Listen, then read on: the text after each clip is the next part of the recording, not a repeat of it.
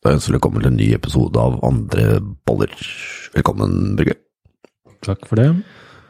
I dag tenkte jeg vi skulle starte med noe som jeg tror vi mange hopper eh, i fella på. Spesielt hvis vi er litt drømmere og visjonærer. Så er vi ganske gode bak akkurat denne her. De som er, har eh, beina godt planta ned på jorda, de går sjelden i den fella her. Men for de som ikke er det, det er veldig personlighetsavhengig, så er sånn at de kan f.eks. For forestille seg de har ikke trent før, men tidenes form, til Birken eller sommerformen eller hvor den måtte være i livet, det er bare måneds tid.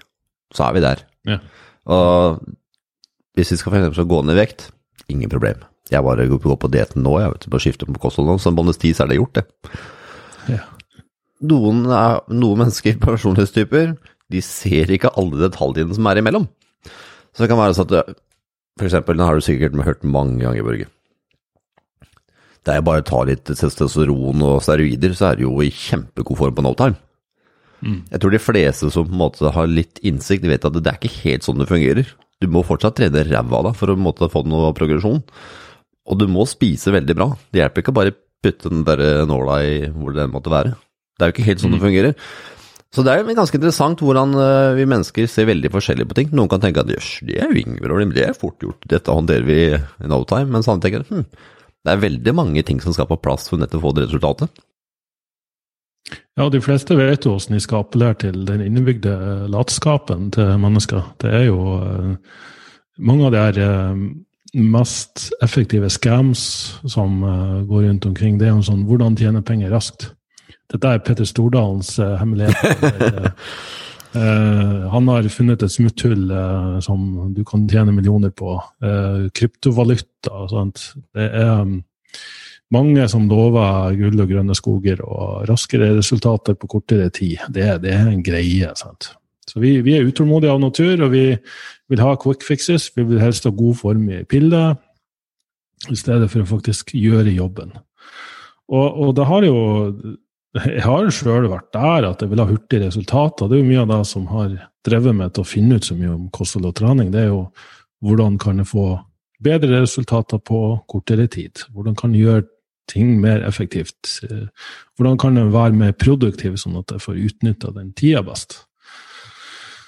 Og kanskje ikke alltid med å reflektere over, men hva skal man gjøre med all denne fritida? For det er jo veldig mange av oss vi sitter jo der og bare kaster bort denne fritida uansett. Eller at vi jobber mer i, i fritida. Vi har ikke fritid. Så, så, det er litt sånn uh, Jeg tror, tror, vi kunne ha trengt å tenkt skikkelig gjennom den tankerekka først. Hva er det som egentlig driver oss? Hvorfor uh, tenker vi sånn, eller tror vi sånn, og hva, hva er eventuelt utfallet? Ja, og som du vet, har jeg vært litt på Monsen-sporet i det siste. Jeg snakket om det i forrige episode også. Jeg er fortsatt litt på Monsen-sporet fortsatt, bare nå over i en ny bok. Mm. Og hvis vi kan bruke det som metafor, da, sånn at ja, han skulle nå bare gå Canada på tvers, da. Eller hva, eller hva det var han gikk. Da skal man tenke ja, det er jo egentlig bare å gå. Altså går du, og så går du, og så fisker du litt mat, og så tenner du bål, og så er det, liksom det egentlig det det består av. Kan det kanskje jækla vanskelig, det? Ja, men det er jo sånn vi tenker, da. Men det kan ikke være så veldig vanskelig, det. Men så er det alle de enorme opplevelsene som skjer underveis. da. Det, er, på en måte, det blåser mye, og det er kaldt, og du holder på å fryse i hjel, og du finner ikke mat, og så finner du ikke plass å fyre på. Så det, det skjer jo så ekstremt mange ting innimellom. Mm. Jeg tror at vi mennesker er nok langt sånn, for hvis vi hadde tenkt på alle detaljene som skulle skje hele tiden, så hadde vi jo ikke gjort mange av tingene. Hvis du hadde visst alt som ligger til grunn for å få noe til, så hadde du nei, vet du hva, det gidder jeg ikke. Det er så mye knot. nei, og litt sånn pippi gang, det har jeg aldri gjort, så da får jeg sikkert til. ja, godt poeng. Men uh, paradokset òg i det her er at uh, mange tror at ok, hvis vi finner minste motstands vei, da, den enkleste måten å gjøre det på, så, så vil vi få de beste resultatene. Men i, realiteten så er vi jo egentlig innstilt sånn at vi liker jo å løse problemer. Det er jo problemløsning som gir den største mestringsfølelsen. Eh, og det er en podkast som da Når vi spiller inn det her, så kommer den, har den nettopp kommet ut. Eh, så det vil si det blir forrige episode. Eh, Jonas som da gikk ned 70 kilo og har klart å holde den vektnedgangen i, eh, i ti år. Wow! Og det han gjorde først, det var å etablere seg kompetanse på hva var den mest fornuftige måten å gjøre det her på. Og så var det å lære seg å like prosessen. Så han måtte liksom finne ut av ok, hvilken mat likte han å spise, uh, lage seg et budsjett på det, uh, hva likte han å trene, og, og, egentlig bare fant en måte å gjøre det her gøy nok på. Og det var tøft, som pokkeren, underveis. Men, men, nettopp det ga også den største mestringsfølelsen og gjorde at han da fortsatte å gjøre det her. Og Det handla òg om noe større enn bare selve den, den eh, badevekttallet. Det var mer en sånn Nå må jeg gjøre det her, fordi hvis ikke, så dør jeg. Så enkelt var det for han. da. Så hvis problemet blir stort nok, og du inngår en avtale med deg sjøl på at det her må jeg finne ut av, det her er viktig for meg å finne ut av, så, så tar du action på det. Ja, men det er utrolig mange som har den der på strupen, men som samtidig ikke gjør det òg, altså. Så ja, du, må ha den der, e, du må ha den der egenskapen til å faktisk finne ut av ting. For jeg, jeg skal ta et kort eksempel før vi skal hoppe over til noe helt annet. Mm. Uh, og det er ikke så lenge siden jeg i forholdsvis nær relasjon uh, var borti en person som var uh, forholdsvis for å si sånn, hvis, ikke noe, hvis ikke, ingen endring skjedde, så ville på en måte utfallet være det veldig dårlig. Ja. Og da måtte noe eh, endres. Og det var så enkelt som at det kutte ut all isen du spiser hver dag til dessert, f.eks. Og prøve å på en måte holde jevnt mulig, som mulig blodsukker. Hvis ikke, så vet du utfallet, for utfallet det er på en måte satt i stein. Sånn at du ikke gjør noe. Og da er det sånn Nei, gidder ikke å bli fanatisk heller. Jeg skal, jeg skal like livet mens den er der. Den skal ikke drive og og da bare sånn, ok, greit. du får liksom kjøre den veien du skuta du vil at skuta skal gå. Men det er sånn at det, det er ikke alle som har den der koblingen til at eh, man liksom må gi alt. Det, og, det, og, det, er greit, det òg. Alle er forskjellige. Den, den og så er det det her med å faktisk ta ansvar sjøl.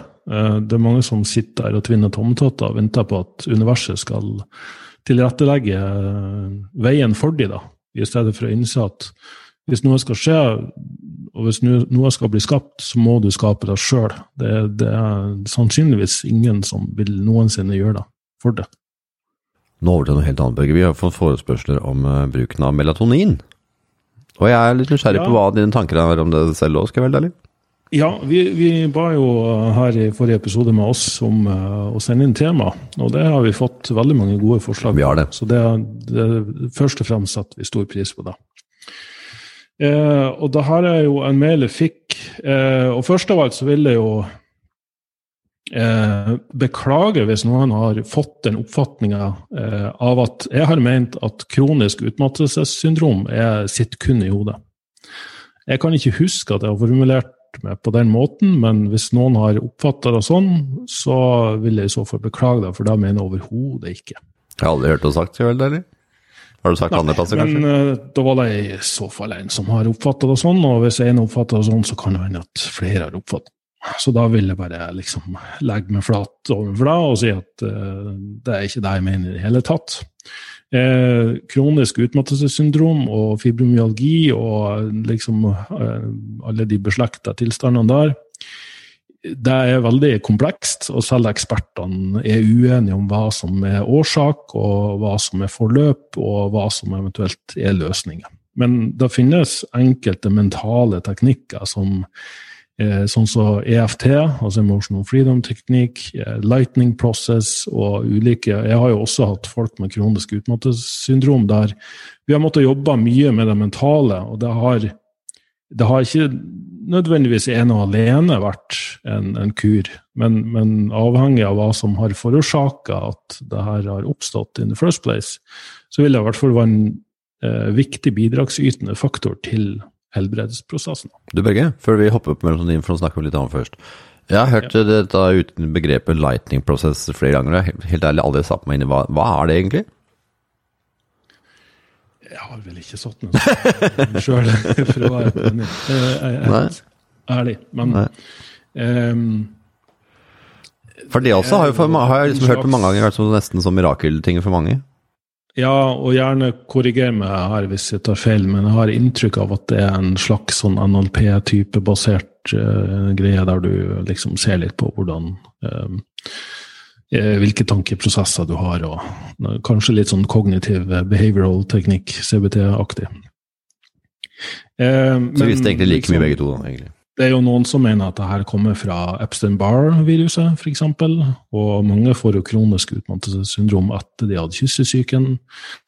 Eh, så at det kanskje skjer noe på cellenivå, mitokondrielt nivå, eh, der både interaksjoner mellom stressystemet og, og immunforsvaret eh, gjør at energi, altså den metabolske prosessen i kroppen stanser opp og ikke fungerer som de skal. At energi du får fra næring, fra sollys osv., ikke omdannes til energi. At du kan rett og slett mobilisere energi på, på vanlig måte. Noen ser jo f.eks. at kortisolnivåene er helt ute av rytme. og Søvn blir jo veldig påvirka. Du kan sove på dagtid og være våken på natta, eller ikke sove dypt nok. Så, så i det hele tatt utrolig komplekst. Og relatert til det her da var jo et spørsmål om at han har sjøl eh, hatt god erfaring med å ta en høy dose melatonin. Melatonin er jo et um, søvninduserende hormon som skilles ut uh, når det er mørkt, kveld og natt. Uh, og, og, har også en, en av de kraftigste antioksidantene vi kjenner til. og det er knytta til det biorytmiske circadian rhythm-systemet. Sånn at når det blir sent, så skiller kroppen ut pulser med melatonin, så blir du døsig og trøtt. Men her er en liten sånn viktig differanse, eller um, distinksjon som er viktig å få med seg. Vi har også et system som heter GABA. GABA-systemet. Og, og, alle de hormonene skal interagere. Så vi har melatonin, vi har GABA, vi har kortisol. Men det ene er vel en GABA er en neurotransmitter, og det er vel ikke melatonin? Så er det litt forskjell på systemene? vel? Eller? Ja, det er litt forskjell, men, men, du kan si at det primære som er ansvarlig for um, skal man kalle det, regenerering, restitusjon um, Ja, igjen veldig komplekst. Men, men da å ene alene bruke høye doser med melatonin um, jeg, har, jeg, har, eh, sett litt på forskninga. Og for de som Jeg vil jo si at det mest effektive er at du får nok lys på dagtid. For hvis du eksponerer deg for nok lys på dagtid, så skiller kroppen ut mer melatonin når det blir mørkt. Eh, så på vinterstid så er det faktisk mange som kan ha en kronisk forhøya melatoninutskillelse, men da er den høy også på dagtid. og derfor går vi, Altså ikke høy, men den, den er forhøya på dagtid, og dermed så går vi rundt og er trøtt på dagtid også. Så, så det, som de fleste andre systemer i kroppen, bør gå i pulser. Um, og så har du de inkludert meg sjøl, som har prøvd å ta de standarddosene på 1-3 mg melatonin før leggetid. Eh, og da, da, egentlig da gjør det å simulere den naturlige biorytmen. Så for jetlag så kan det være veldig effektivt. Hvis du reiser til en ny tidssone, så kan du ta melatonin eh, noen timer før leggetid, og så komme raskere inn i en ny tidssone. Det, det, er faktisk en måte å bruke det på. Men det mange opplever, da, er at eh, de våkner midt på natta når de tar eh, 1-3 mg-doser på melatonin. Og det igjen kan det være pga. den interaksjonen med GABA og kortisolsystemene. Sånn at når det ene avtar, så øker det andre, og så kan det gjøre at du våkner mye tidligere enn en vanlig. Uh, kan vi stoppe litt, Børge? For det, nå, nå, hadde jeg GABA kan jeg ganske mye om. Så nå hadde jeg bare litt sånn utfordring med å henge med, bare for å gi meg litt detaljene her. Eh, for det, det, du egentlig sier, at når, eh, når på en måte melatoniden bruker man egentlig for å bli trøtt. ikke sant? Det er jo et søvn, søvnhormon. Det er et hypnotisk uh, hormon, kan man si. Så det gjør at man da blir trøtt. Og en, og en GABA er jo en neurotransmittor. altså Den, er, den fungerer jo da sammen med mange andre neurotransmittorer som gjør at det her skal være, være i balanse. uh, og, og, det vil altså si at det, i det øyeblikket melatoniden da virkningen fra det du har tatt, begynner å gå ut, uh, så mener du da at kortisoløkningen går opp fordi at melatoniden uh, som du på en måte har blitt påvirket av, da går ut, eller er det på en måte det du mener? Eh, ikke direkte sånn, men, men altså det kan i hvert fall se ut som om det er det som gjør at vi våkner midt på natta, hvis vi tar en dose med melatonin så det, du høy. Så det du egentlig sier, at den påvirker cirkadianrytmen din på en negativ retning, nå, egentlig? I utgangspunktet gjør den det positivt, men uh, du kan si hvis du også har en normalproduksjon, altså egenproduksjon av melatonin, så, så kan det her uh, forskyve rytmen eller gjøre at det blir for mye eller for lite. Det skal jo være en sånn hårfin balanse av Det gjelder jo alle hormoner. Tar du for mye av det, så får du bivirkninger. Tar du for lite, så, så får du for liten effekt. Bare la meg fullføre den litt, da. Eh, så, så, mm, flere av de studiene jeg har sett på, um, viser at faktisk en lavere dose med melatonin gir en mye bedre effekt. For da, får du, da supplerer du din egen produksjon. Så ta så lite som 0,3 til 0,5 milligram, er som det er 300 til 500 mikrogram, eh, har vist seg i mange studier å ha en mye bedre effekt enn den 1-3 milligrams-dosen. Man skal være ganske forsiktig med noe sånt, ikke det? Ja, det er jo et hormon, eh, rett og slett. Så, så, men nå er det jo reseptfritt. Nå får du jo lov å kjøpe det over disk i Norge og som kosttilskudd. Så eh, det er mange som har gode effekter da. Jeg mener jo at man skal begynne med å se på at du får nok lys i løpet av dagen, at du spiser godt og næringsrikt, og at du unngår veldig mye kunstig belysning på kveldene. Og har liksom god såkalt søvnhygiene, da riktig temperatur på soverom, passe på at det er skikkelig mørkt. Ikke flomlysning på badet før du legger deg osv.? Ja, f.eks. Ha litt sånn dimmere installert, sånn at du får en uh, altså mer dampa belysning. Gult og oransje lys og ikke sant, uh, de appene på skjermer som gjør at uh, lyset dampes og blir riktig farge.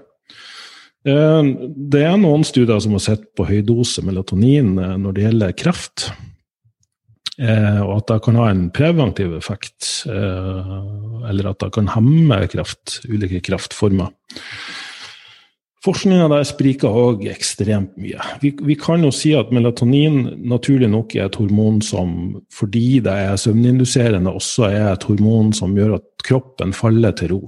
Eh, så, så, når vi har da en, en celleprosess som har gått litt amok, så er det òg naturlig å anta at ved å begrense tilførselen av energi til uh, den celleprosessen da ved å begrense glukose.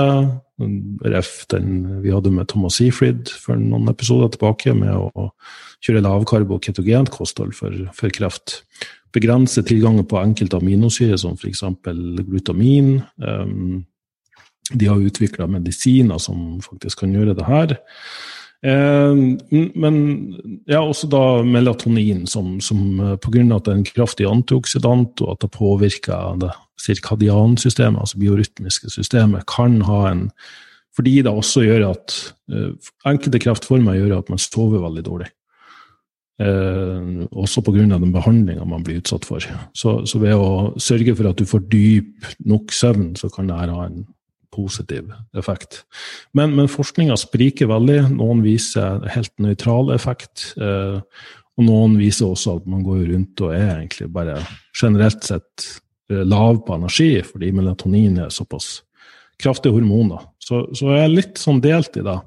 Jeg ser det her mer fra et sånt bioenergetisk ståsted, der vi sant, på vinterstid, evolusjonært sett, som vi har snakka om mange ganger, har mindre tilgang på, på næring. Sant? Vi kanskje må eh, eh, vi, vi, må innta det som vi får tak i naturen, og det har tradisjonelt sett vært mer fisk og dyr. Eh, vi har mindre sollys, spesielt her nord, så blir det veldig mørkt på vinterstid. Eh, og at hele systemet rett og slett går i en slags sånn dvaletilstand. Det er ikke stor men, forskjell, altså. Da, ja, men da, men da, å argumentere for at da er det sunneste, eh, skal man kanskje være litt forsiktig med. Det kan godt være at det sunneste er å etterligne, simulere en sommerlig tilstand hele året. Det, fra den såkalte bioenergetiske modellen så kan det se ut som om hvis du Eh, tilbyr rik næring, altså at du spiser mye frukt og grønt eh, hele året. At du eh, utsetter deg sjøl for kraftig lys, altså lysterapi på vinterstid. At du da også holder i aktivitet. Og til og med at du bruker sånn, kalde dusjer og liksom aktiverer stressystemet, pusteteknikk og alt det her. Det så, så, kan, så, kan, det på mange måter være, være sunnere for organismen enn at du går gjennom de syklusene med sommer der det er midnattssol og lyst hele døgnet, og vinterstid der det er mørkt hele døgnet. Det er ikke nødvendigvis det aller sunneste for oss. Det blir det samme som å si at det er usunt å bo i Spania på vinterstid, for da er det mye lys. Altså, det er jo ganske selvforklarende, egentlig. Det er eh, Går du fra Norge når du har hatt to måneder med mørke, og du Jeg, jeg kjenner nå om dagen er utrolig mye trøtt. Du er bekmørkt når du våkner, og du har litt lys hvis det ikke er regn, som det er nå. Altså, når klokka er fem, da, så er det bekmørkt igjen. Og jeg kjenner at jeg har ikke samme energinivå, og jeg er mye trøtt. Uh, og hadde jeg reist til Spania nå, eksempelvis, det går dessverre ikke, men hadde jeg da gjort det, uh, så hadde jo energinivået kommet tilbake der det var i sommer. Ja, og se koblinga mot sollys og sykdom. D-vitamin, hormoner, altså anabole oppbyggende hormonene er høyest på sommerstid. Muskelbygging, fettforbrenning fungerer bedre på sommerstid. Eh, så da å ta D-vitamintilskudd, sørg for at du får litt, litt sollyseksponering, og om du ikke har tilgang på det, bruk lysterapi på, på vinterstid. Jeg, er tilbøyelig til å tenke at det er nok det beste. Jeg tror ikke vi nødvendigvis skal prøve å simulere hvordan steinaldermennesket levde av ren nødvendighet, og, og tenke at det er det beste for, for, vår moderne helse. For det var av nødvendighet. Viktig å presisere det ordet du brukte. Nødvendighet. nødvendighet, ja. ja. Det var ikke fordi det var sunnest, det var fordi det var nødvendig. Riktig. Du Børge, eh, før vi avslutter melatonin-samtalen. så For noen år tilbake så hadde jeg en uh, coachingkunde som uh, fikk melatonin i veldig ung alder, fordi han hadde utfordringer med å sove i mindre alder, eller i, i ung alder, da. Og da har jeg det bare én person jeg hørte fra, har jo ikke noe, grunnlag noe vitenskapelig grunnlag, jeg bare er nysgjerrig. Eh, og, og, personens påstand da etter en del år var jo at måtte, det ødela veldig mye for søvnen senere i livet. For den personen sleit fortsatt med å få sove på natten. Mm. Uh, og trodde kanskje det var pga. høye doser med melatonin i ung alder. Uh, som sagt, jeg vet ikke. Jeg bare uh, tenker litt at Vet vi på en måte at det er trygt å bruke og kanskje greit å ikke gi til barn, eller? Ja, så kan vi jo kanskje òg reflektere over hvis han trengte allerede i ung alder, så mm. Hva var galt? Ja, hva var, hva var galt? For melatonin reparerer jo ikke systemet som skal få kroppen til å produsere melatonin sjøl. Da vet jo jeg som har gått på testosteron i veldig mange år. Jeg måtte jo reparere systemet som skulle produsere testosteron. Det hjelper ikke bare å gå resten av livet på erstatning for da hormonet kroppen skulle produsere sjøl. Så, så adressere årsaken jeg er jo veldig sånn på det. og Spesielt òg når det kommer til denne kreftdiskusjonen. Har jo hatt mye kreft i familien, så det er jo et interesseområde forstå hva er det som gjør at den eh, naturlige celleprogrammeringa som skal få celler til å fullføre en livssyklus og så dø sjøl, eh, ikke fungerer som den skal, og dermed går amok og løper løpsk. Så, så, så finn, finn, årsaken, ikke liksom alltid driver med symptombehandling i ettertid. Og vet du det der syns jeg er eh, Veldig interessant, den symptombehandling og, og vi har snakket om det her før. Jeg kommer til å repetere til jeg sikkert eh, blir steinalder og går en dårva, for jeg syns det er veldig viktig. Og når jeg var ung, så ble jeg så ble fjernet i mandlene. For at jeg hadde hele tida problemer med at jeg på en måte ble syk. Med, og da jeg husker ikke gammel jeg var, fem, fem år kanskje. Så fjernet man mandlene. Mm. Så jeg har tenkt på her om dagen at det, er jo ganske finurlig hvordan vi fjerner mandler når egentlig problemet var at det er på noe stramt tungebånd, som er at jeg puster mye med munn. Når man puster mye med munn, så filtrerer man ikke virus, bakterier osv. Og så får man også feil eh, temperatur på luft man puster inn, og da får man jo halsbetennelser.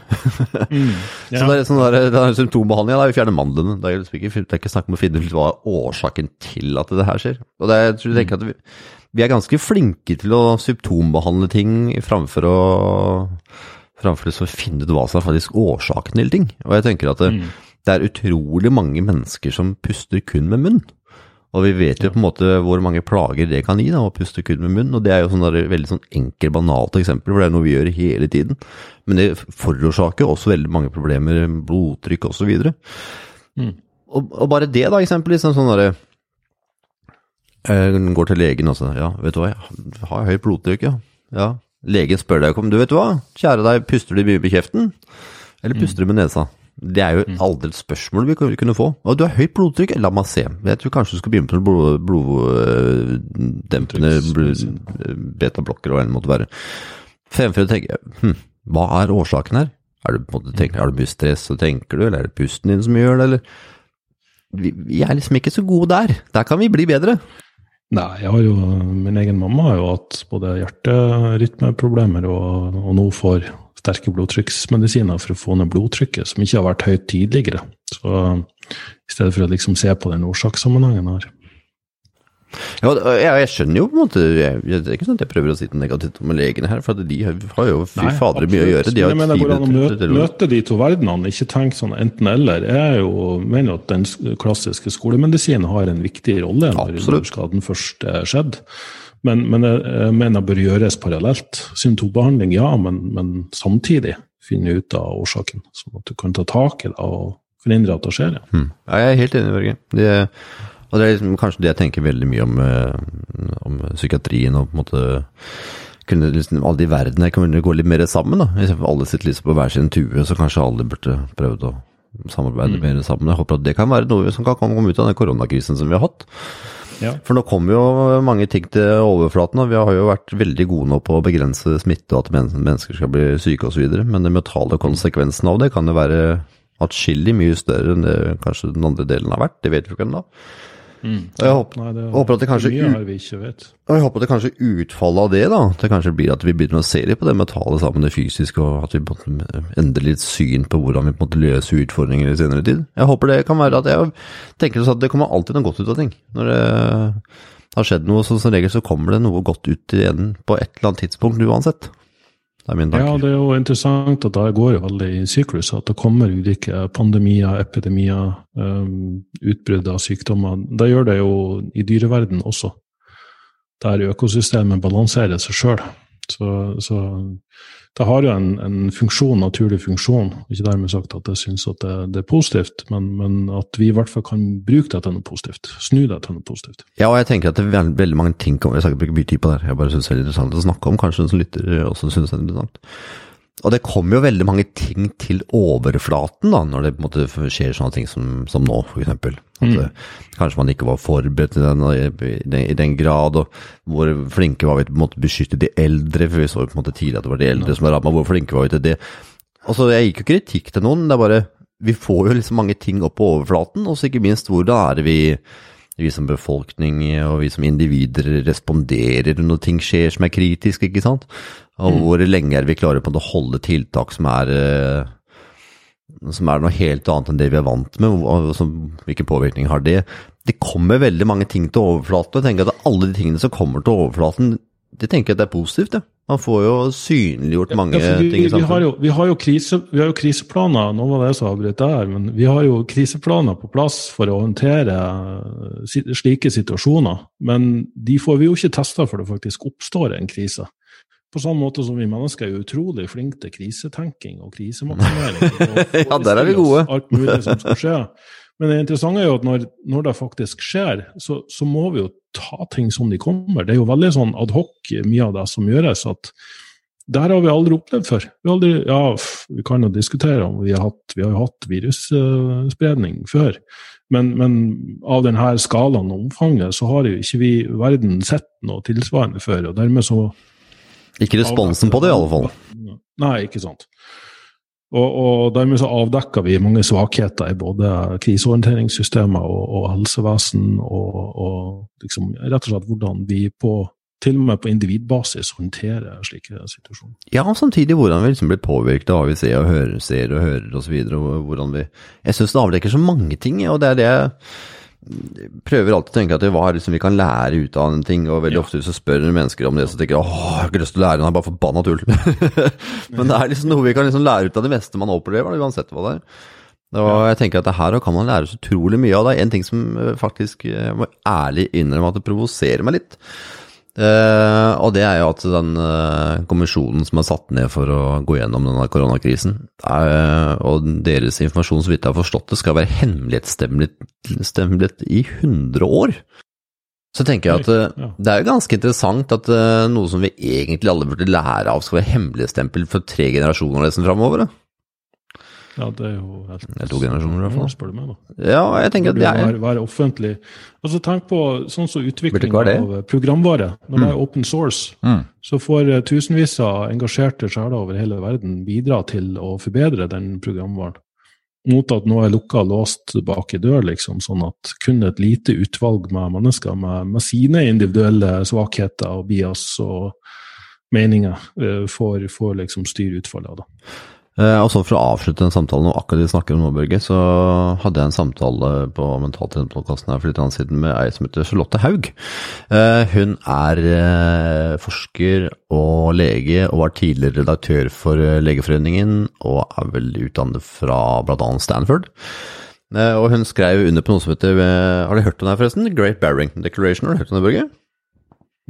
Nei, vet du hva, det her jeg syns jeg er så veldig finurlig at svært få har hørt om. Uh, The Great Barrington Declaration er en uh, deklarasjon, deklarasjon, som uh, Nå er det vel over 13 000 forskere, medisinske forskere som har skrevet under på. Og det er vel 33 000 medisinsk personell, tror jeg, som har signert på den samme. Og det her er jo alle de fremste forskerne fra Stanford, Yale, Harvard osv. rundt omkring i verden. Som er, det er de fremste vi har. Og de sier på en måte sånn i veldig korte trekk at uh, disse strenge tiltakene som vi har, de vil på en måte ikke fungere over tid. De vil på en måte ikke Konsekvensene bli større ned i på. Det er nettopp fordi folk får screening av kreft osv., folk får mentale problemer. Om at man heller burde skåne de eldre, de som er utsatt osv. Uh, uh, og liksom, jeg prater med henne da om akkurat det her, og så sier hun at det som er at når man får veldig sånn strenge tiltak som det vi på en måte har fått nå, eksempelvis, da, det at man klarer jo ikke å etterleve de over tid. Ikke sant? For det blir så veldig strengt. At uh, man måtte gi litt sånn opp. Det er sånn, åh, det her, Hvordan skal vi klare å holde på med det her over tid? Man, man må gjøre ting som man klarer å få til over tid. Uh, og så har det liksom forundra meg så veldig at hvorfor er det ingen som liksom har hørt om Great Barrington Declaration? Det er så utrolig mange, nesten alle de fremste forskerne vi på en måte har resonnert på det her, og er på en måte enig, men så er det på en måte ingen som vi hadde fram. Og jeg tenker at Det er sånn tankevekkende, og det er noe vi kan lære av det òg. Vi må jo på en måte kunne ha en debatt der vi på en måte får fram forskjellige sider av saken. Ikke bare den ene mm. sida.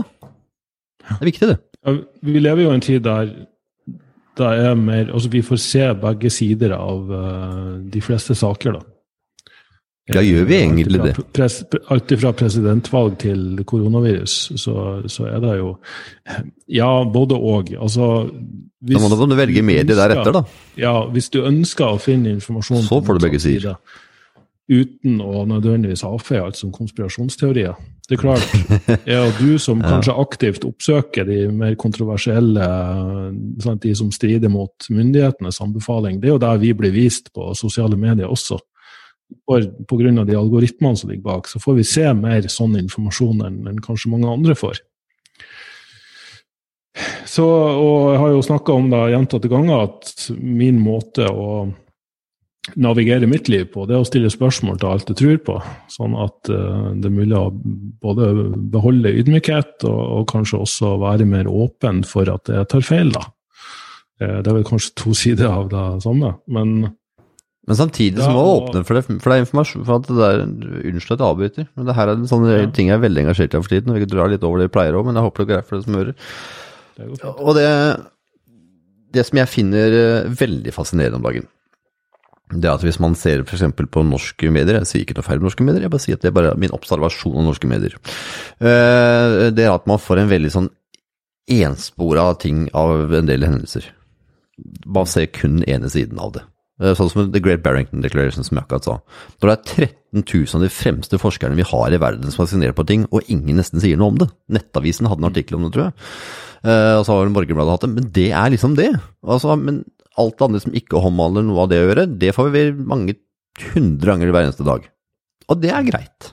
Men det viser at da får vi veldig mye av den, av den ene siden. Ja. Og så må vi huske at det mesteparten av det blir servert. Det har faktisk gått gjennom et par eh, runder før de måtte komme ut. Så sant det ikke er en blogger eller en annen, sånn som det vi også sitter og snakker nå, så er det, er det på en måte gjort om på, litt om, mer på forhånd.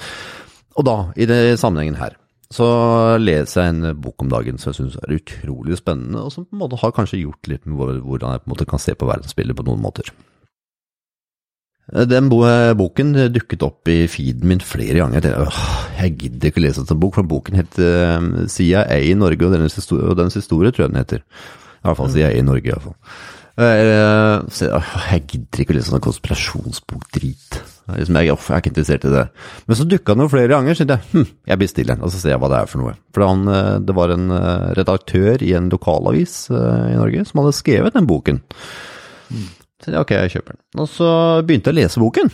Altså, alt som er i den boken er jo faktisk eh, godt dokumentert. Altså, det ikke, dette er jo faktisk ikke en konspirasjonsteori, eh, teoretiker som har skrevet, men det er jo faktisk en som har gått og henta utrolig mye dokumentasjon og satt dette sammen. Og så viser det seg at eh, siden andre verdenskrig så har jo på en måte CIA hatt en del å si i Norge. Eh, og i alle fall på 50-60-tallet, i alle fall. Og ifølge dokumentasjonen i, boken, da, så viser det seg at Redningsselskapet eksempelvis ble måte brukt da i den type etterretning som måte det trengtes på den tiden. Så det, det blei på en måte utrolig mye som ble gjort i Norge, kanskje uten at mange, ifølge boken i alle fall, eh, visste at at dette skjedde. Mm. Og det ble jo gitt ut informasjon ut fra det man ønsket skulle gitt ut som informasjon. da. Nå har det blitt avdekket i ettertid, for vi har blitt deklassifisert osv. Og, så og det her finner jeg veldig interessant, for da har vi på en måte blitt servert en uh, sannhet mm. i mange år. Og så blir på en måte dokumentet deklassifisert, og så viser man at det kanskje virkeligheten var noe helt annet enn det man trodde. Og Jeg skal ta bare et sånn, veldig lite eksempel før vi avslutter. Uh, et lite eksempel også, så vi får Legg på en par minutter. Ja. ja. Uh, og I den sammenheng så var det sånn at det, en av de første spionbåtene vi hadde, den het Eger. Uh, og på den båten uh, ble det satt på en veldig stor radar, og den radaren var jo selvfølgelig ikke testet ut i forhold til stråling osv. Uh, og da var det sånn at syv av elleve i mannskapet fikk nyrekreft i ganske ung alder og døde av det. Mm, og da var det jo en del etterlatte som ønsket å måtte få noe erstatning for det, så de gikk jo til Redningsselskapet for å måtte få noe erstatning. Eh, og de sa at det har jo, kjenner vi ingenting til, og vi har på en måte ikke noe beskrivelse på radaren som har vært der, osv. Så, videre, så vi tenker at det, det, er jo sannsynlig. Det er, ikke, det er i hvert fall ikke usannsynlig at det her kan være helt tilfeldig. Man kan si at det er statistikk og sånn, men tenker, ja, ja, de fikk liksom ikke noe erstatning for det. Og jeg tenker at det bare det er jo et sånn ganske godt eksempel hvordan vi på en måte vi får informasjonen vi, eh, vi måtte bli servert, men det er ikke alltid at den er helt korrekt. Og det er jo det her som blir sånn at så fort du sier noe som Hvis jeg hadde sagt det, her, det til deg midt under når det her sto på, så hadde du sagt Frank, mm. vet du, det her er bare en konspirasjon. Altså, De har jo selvfølgelig ikke radar på den båten som gjør at det er farlig for andre. Mm. Da, ble, da hadde det blitt servert som konspirasjon, men så lenge det er blitt avdekket, kan dokumenteres og så videre, så sier man ja, men det er ikke noen konspirasjon, det er en god historie. Mm. Så det er, det er, det her at vi, vi, må være åpne for at det er flere sider av en sak. Ja, og mitt input der er jo at nå har vi nettopp sett eh, en av de bedre dokumentarene jeg noen gang har sett, og det er om Estonia-forliset. Ja, var den bra? Den var veldig, veldig bra. De fikk veldig jo skikkelig problemer, de som laga den der. De eh, fikk, eh, ja, de eh, fikk søksmål og hele, hele greia. Fikk de, var ikke staten der de Fikk ikke de fengsel og sånn? da? Ja, jeg har ikke sett hva som skjedde med de i ettertid, men de var jo De sendte jo ned en, en miniubåt for å filme vraket. Fra, fra tysk båt? Uh, det var en tysk båt, men det var en svensk produsent, som de fikk jo da konsekvenser. fordi de som har signert avtalen om å anse det her som et gravsted, uh, det var jo liksom til og med England da, og Estonia og Finland og Sverige og liksom de landene rundt. Men Tyskland var nøytralt, og da var internasjonalt farvann. Så, så, de hadde i utgangspunktet Den finske kystvakten prøvde å stoppe dem, men de, hadde, de, de kunne faktisk ikke med loven i hånda stoppe dem fra å gjøre det her. Og, og, de har jo de etterlatte at, uh, Tenk på alle de som døde i det forliset. Og det var jo fra alarmen gikk og til båten sank, så gikk det jo 45 minutter. eller noe sånt. Og det, de har jo eh, Påstanden var at det var baugporten som var løsna, og dermed kom det vann inn i front. Og, som ja, gjorde at var det ikke det? båten sank. Eh, de har vel de har hatt en tilsvarende ulykke der den båten ble, lå flytende med liksom opp ned da, i vannet i, i, mange, mange timer. Så det At en båt skulle synke så fort pga. en bauport, det var, det var liksom helt usannsynlig for alle de som er eksperter på det her. Og de har fått både internasjonale og til og med også mange norske eksperter til å se på det. De hadde en professor fra NTNU som simulerte for det de fant, vet du, når de eh, kjørte ned med den minibåten, det var et stort hull i sida som var delvis skjult. Og det hullet eh, Det var liksom en teori om Ja, det var fordi frakta eh, hadde fått bevist i ettertid militært utstyr fra Russland med den båten som skulle videre. eh, hemmelig utstyr som ble smugla ut av gamle Sovjetunioner. Eh, og da var teorier ja, kunne det ha vært sprengladninger som gikk av, sånn, som gjorde at båten sank. Men, men hullet var forma sånn at det her dreide seg mer om et, et, et, objekt på minimum 1000 tonn som hadde kjørt inn i sida på båten. Oi. Ubåt, og en av, en av, de overlevende hadde vært oppe på dekk når alarmen gikk, eller hørt de her eksplosjonene. eller de, Det hørtes ut som is som skrapa på sida, og gikk opp og så et stort ly, lyst objekt som, som, var i vannet eh, ved siden av båten. Eh, og da kan man jo selvfølgelig bare spekulere i hva som har skjedd der, men, eh, men at det har nå blitt avdekket i 2019, og en av de overlevende var jo på Skavlan og ble intervjuet der. og, og svenske regjeringa gikk ut og det, det, ble i det hele tatt gjort veldig mye i samband med denne ulykken, der en, en havarikommisjon erklærte at det var den Bauporten. Um, utfyllende rapport på det, og eksperter som i ettertid gikk gjennom den rapporten og sa at ja, det her, det her er jo ikke riktig, her er jo masse faktuelle feil her som, som er helt, det stemmer ikke med tidsforløp, stemmer ikke med noen ting. Så der kan man gjerne snakke om konspirasjonsteorier, men, men det, det, var jo liksom levna veldig liten tvil om at her var, det undergravd veldig mye. Og det er vel den eneste gangen også i verdenshistorie at en, en båt som har forlist, har blitt forsøkt begravd med, med sand og betong. Ja, har det det? Båt liksom gikk over, ja, en båt som eh, seila ut dit, sendt av svenske regjeringa, og skulle liksom begrave den båten, sånn at det ikke var mulig å verken få opp eh, de overlevende eller, eller, noen ting. da. Så, så den, den, anbefales, går på Dplay, og da kan man i hvert fall begynne å ja, tenke litt på hva som blir presentert av media og det offentlige og myndigheter, og, og hva som kanskje egentlig ligger under av og til. Ja, og så er det viktig å presisere helt til slutt da, at det er selvfølgelig veldig mange ting som ikke ligger der bak. Så det er ikke sånn at vi ser konspirasjon bak ved en haug, det er ikke det. Men det er mange andre ting, det er mange ting som kan være interessant, da. Ja, prøv kanskje bare reflektere over hvilken agenda kan jo da ligge bak. Med, I dette tilfellet hvis det var militært hemmelig utstyr som ble frakta, så kan det jo kanskje være det kan være viktigere å beskytte det enn nødvendigvis å få opp Det er noe som heter rikets sikkerhet, Rikets sikkerhet. sikkerhet. Uh, ja. Da tenker jeg at i dag gikk vi i alle retninger, og det er det vi pleier å gjøre. Ja. Så vi håper du som hørte på, syns at det her var interessant. Og til neste gang, Børge, så må vi bare si må du ha en utrolig fin dag, hold deg frisk og rask, og tusen takk for at du hører på. Og gi oss gjerne fem stjerners på iTunes, for det liker vi veldig godt. Da, ja, da blir vi veldig glad. Ja. ja, bare si ha det bra, da, er det ikke noe. Ha det, ha det bra. Ha det. Ha det.